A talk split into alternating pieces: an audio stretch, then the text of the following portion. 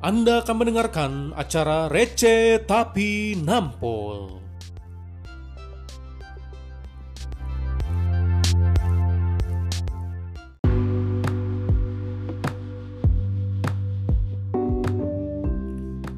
Halo semuanya, kembali lagi dalam acara Receh Tapi Nampol bareng gua Timotius Paulus ya kita sama-sama uh, di podcast ini saling sharing tentang firman Tuhan atau sharing tentang kehidupan lah. Karena kan kita masih hidup di dunia ini pasti kita butuh tentang ilmu-ilmu tentang kehidupan kan. Uh, gue bukan termasuk menggurui dalam membuat podcast ini tapi gue cuma sekedar sharing aja dan semoga sharing yang kita lakukan saat ini itu berguna buat kita semua termasuk buat saya sendiri. Jadi waktu saya sharing buat kalian sebenarnya saya juga diingatkan untuk diri saya sendiri. Jadi saya tidak pernah ada satupun uh, tujuan dalam hati saya supaya mengajar karena saya sendiri masih banyak belajar. Nah hari ini sih gue mau bagiin tentang tema yang muda yang berkarya. Waduh ini temanya keren banget kalau menurut gue. Yang muda yang berkarya. Karena lu masih merasa diri lu muda, ada satu hal yang seharusnya timbul dalam diri kita yaitu kita berkarya. Nah, kenapa? Karena anak orang kalau menurut firman Tuhan dikatakan apa? Kekuatan anak muda itu anak muda itu terletak dalam kekuatannya jadi kalau lu merasa diri lu muda lu harus berkarya. Terutama kita tinggal di zaman yang seperti ini yang sudah maju sekarang. Diperlukan sekali karya-karya yang luar biasa dari anak-anak muda.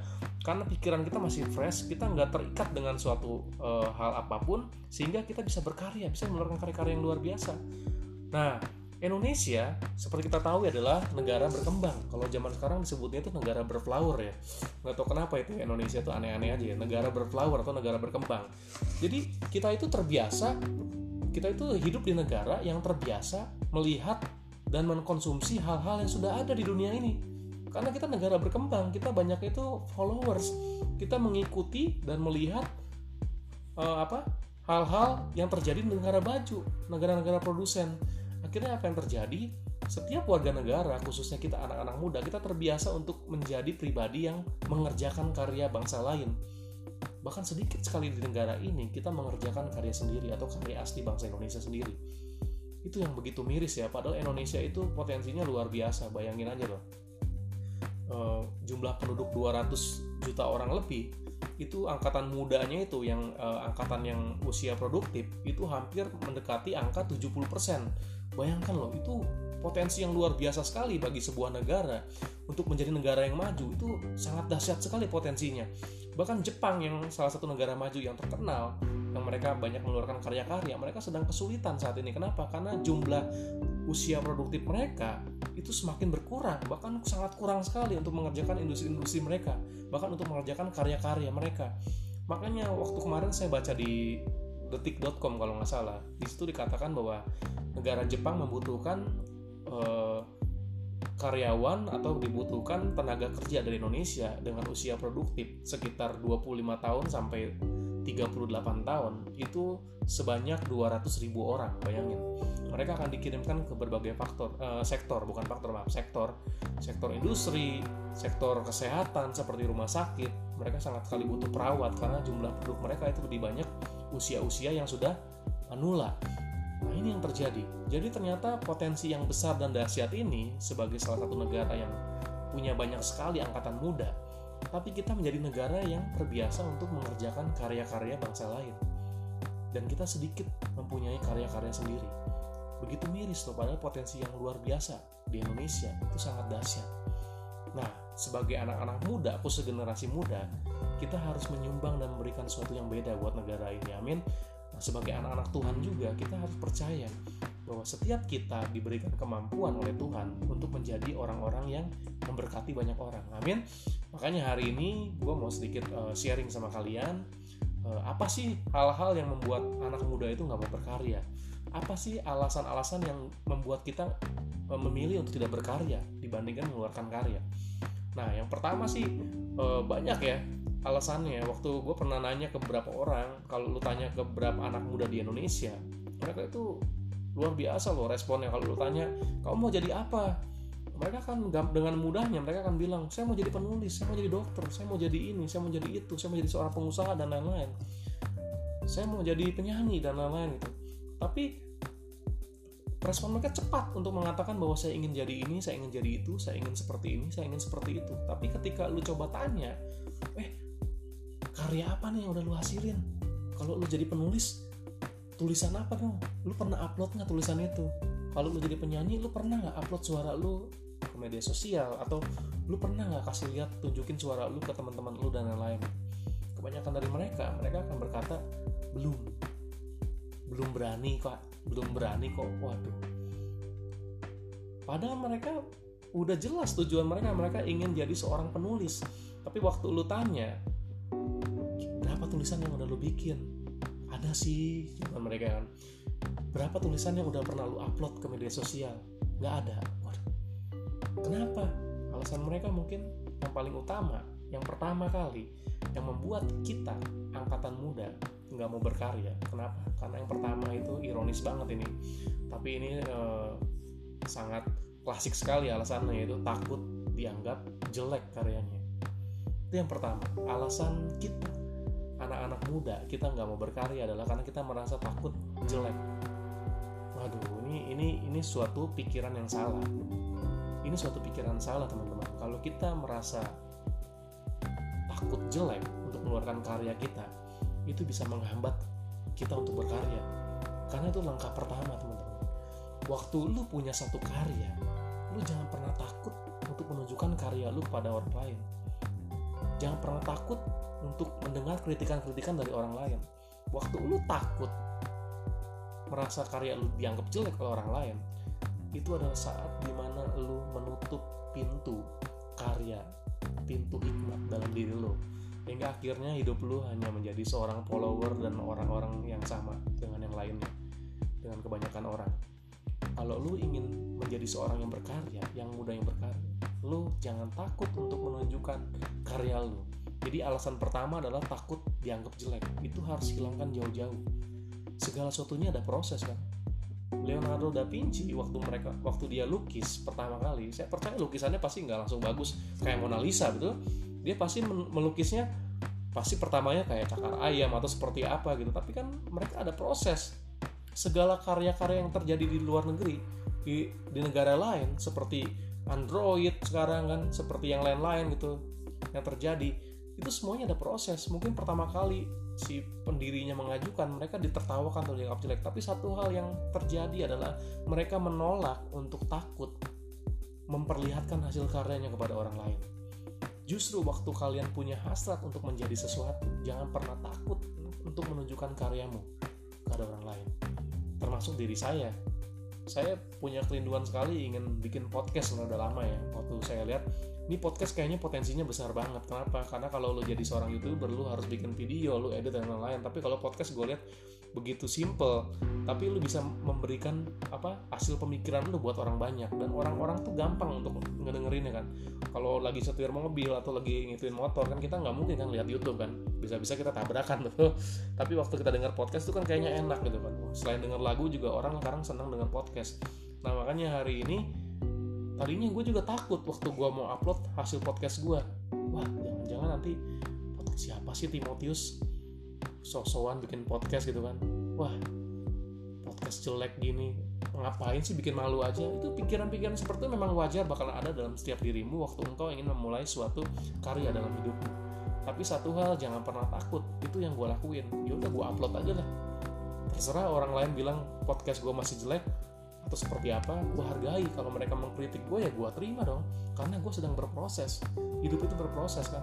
Ya puji Tuhan kalau suatu waktu nanti gue bakal menjadi podcast yang menjadi dampak ke banyak orang puji Tuhan. Tapi sekarang gue masih proses. Gue nggak nggak serta merta berharap bahwa podcast gue itu adalah podcast yang sempurna. Enggak sekarang gue upload podcast pun gue masih berpikir bahwa podcast gue itu biasa-biasa aja tapi gue tetap upload gue mau tunjukin ke orang banyak hasil karya gue nah, itu yang terjadi kan. Jadi saat ini alasan yang pertama anak muda adalah dia takut merasa jelek hasil karyanya. Saat ini hilangkan rasa takut itu tunjukin karya lu ke orang banyak jangan pernah takut mungkin suatu saat nanti lu akan mengalami resiko ketika lu ditertawakan ketika lu dikritik habis-habisan oleh orang yang melihat. Tapi di situlah langkah pertama proses pertama menjadikan karya lu menjadi karya yang sempurna. Oke? Jadi jangan lagi takut lagi untuk uh, menunjukkan hasil karya lu karena itu langkah awal waktu lu nggak takut untuk tunjukkan karya lu itu adalah langkah besar lu pertama kali lu menjadikan menunjukkan karya lu pada dunia ini. Amin. Nah lalu alasan yang kedua apa sih kita anak muda itu kita nggak mau berkarya? Karena kita takut berbeda. Nah ini ya yang sedikit agak sedikit miris ya. Karena anak muda zaman sekarang gue lihat takut berbeda. Mereka merasa dirinya itu aneh kalau berbeda. Makanya banyak anak muda sekarang itu minim banget karya-karyanya. Di luar negeri itu anak-anak muda dibiasakan untuk ayo kamu jangan takut berbeda tapi di negara kita. Nggak tahu kenapa ini anak-anak muda di negara ini itu seneng banget untuk ngikutin aja gitu karya yang udah ada. Mereka nggak nggak mau berbeda gitu. Waktu mereka lihat salah satu youtuber bikin channel seperti ini gitu mereka ikutin ikutin aja terus mereka uh, bikin orang yang suka nyanyi mereka bikin video cover mereka ikutin juga lagu yang sama. Jadi tidak ada hal-hal yang berbeda. Kalau kita cari di YouTube semuanya itu hampir sama. Hingga akhirnya apa yang terjadi? Lu karya lu akan random. Karya lu akan semakin tenggelam dan karya lu nggak akan dilirik oleh orang lain. Karena sebenarnya itu karya yang sudah ada. Meskipun karya lu sedikit lebih baik dari karya yang ada. Itu akan apa akan itu cenderung membuat karya lu tetap tetap sulit untuk berkembang. Makanya hari ini ubah pola pikirmu engkau harus memikirkan satu hal yang berbeda. Jangan takut untuk berbeda. Itu yang kedua ya. Jadi waktu lu mengeluarkan satu karya pola pikir lu diubah. Yang pertama lu jangan takut untuk berbeda. Sedikit berbeda itu lebih baik daripada sedikit lebih baik dari karya-karya yang udah ada. Anggap ya gue ulangi sekali lagi ya lu mengeluarkan karya yang sedikit berbeda itu lebih baik dibandingkan lu mengeluarkan karya sedikit lebih baik dari karya yang sudah ada gue ulangi sekali lagi biar mantep ya sedikit mempunyai karya yang sedikit berbeda itu lebih baik daripada lu punya karya sedikit lebih baik dari karya yang udah ada. Nah, tangkap ya. Nah, ini kuncinya loh. Lu harus tangkap ini baik-baik ya. Jadi kalau lu punya satu karya, lu pengen mengeluarkan satu karya, lu jangan jangan membatasi pikiran lu, jangan membatasi apa hikmat lu, tapi lu harus berkembang. Jangan berpatokan dengan apa yang udah ada, tapi lu harus berkembang. Lu harus punya pikiran-pikiran yang kalau bahasa gaulnya itu yang liar gitu ya pikiran yang ekstrim gitu ya mungkin tapi itu mungkin aneh tapi itu suatu waktu waktu lu terbiasa punya pikiran out of the box di luar kota lu akan punya karya-karya yang luar biasa. Amin. Nah itu makanya kuncinya ya. Lu harus jangan takut jadi orang yang punya karya yang berbeda dari yang ada di dunia ini. Karena itu bisa membawa lu naik dan bukan turun. Itu yang luar biasa ya. Sedikit berbeda itu lebih baik. Contohnya martabak ya. Berapa banyak kita martabak? Dulu waktu gue masih kecil tuh rasa martabak itu cuman apa coklat keju pisang betul ya? Zamannya gue kecil tuh ya itu kan coklat keju pisang. Tapi zaman sekarang kan martabak orang berkembang kan martabak ditambahin lagi tuh. Jadi yang udah ada martabak rasanya diganti kan. Ada ketan hitam gue lihat kan terus ada kismis terus ada lagi tambahin apa tuh? Pisang keju kan ditambahin lagi apa strawberry mungkin ditambahin apa. Pokoknya ganti toppingnya tapi martabaknya tetap itu seperti itu gitu nah tapi apa yang terjadi waktu anaknya Jokowi yang paling gede itu dia bikin markobar. Memang itu suatu yang uh, martabak tapi dia unik. Dalam satu martabak itu satu skupnya itu banyak rasa. Itu kan jadi satu martabak itu banyak sekali rasa di situ. Ada enam rasa, tujuh rasa, delapan rasa gitu. Jadi satu potongan itu rasanya berbeda-beda. Itu suatu karya yang berbeda, tapi apa yang terjadi itu booming luar biasa, bahkan cabangnya itu ada di mana-mana. Itulah salah satu contohnya ya. Sedikit berbeda itu lebih baik dibandingkan lu bikin karya yang sedikit lebih baik dari yang udah ada. Ngerti maksud gue ya? Jadi kuncinya seperti itu ya. Jadi tiga hal yang membuat kita anak-anak muda kita nggak bisa berkarya atau hidup kita nggak bikin karya buat bangsa ini atau buat hidup lo nggak berkembang itu ada takut jelek terus takut berbeda itu yang terjadi makanya hari ini Jangan lagi engkau merasa takut untuk menunjukkan karyamu kepada orang banyak. Tunjukkan itu, biarlah proses berjalan. Mungkin lewat kritikan-kritikan yang masuk dalam karya-karya lu, lu akan menghasilkan karya yang luar biasa tuh saat nanti, betul? Terus jangan takut untuk berbeda. Ayo berpikir di luar kotak, jangan takut untuk berbeda. Waktu lu sedikit berbeda mungkin, lu jangan pernah takut waktu lu karya lu sedikit berbeda. Tapi itu suatu saat nanti akan jadi sesuatu yang booming dan karya lu bisa mengalami potensi yang luar biasa. Amin.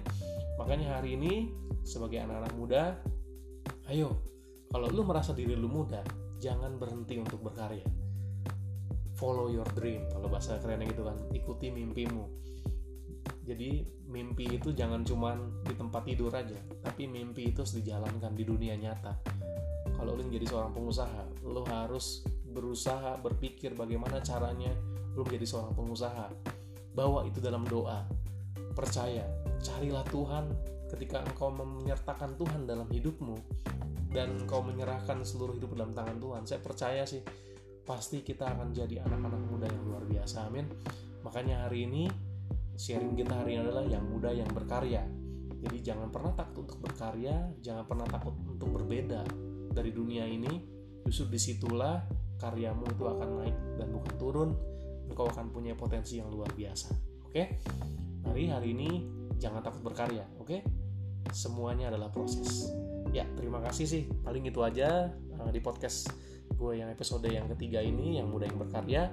Mudah-mudahan itu uh, kita sama-sama jadi anak muda yang berkarya. Kita sama-sama menjadi pribadi yang berbeda. Kita jadi pribadi yang diberkati untuk menjadi berkat. Amin. Terima kasih. Sampai ketemu lagi di episode pot receh tapi nampol yang berikutnya. Oke, terima kasih. Tuhan memberkati.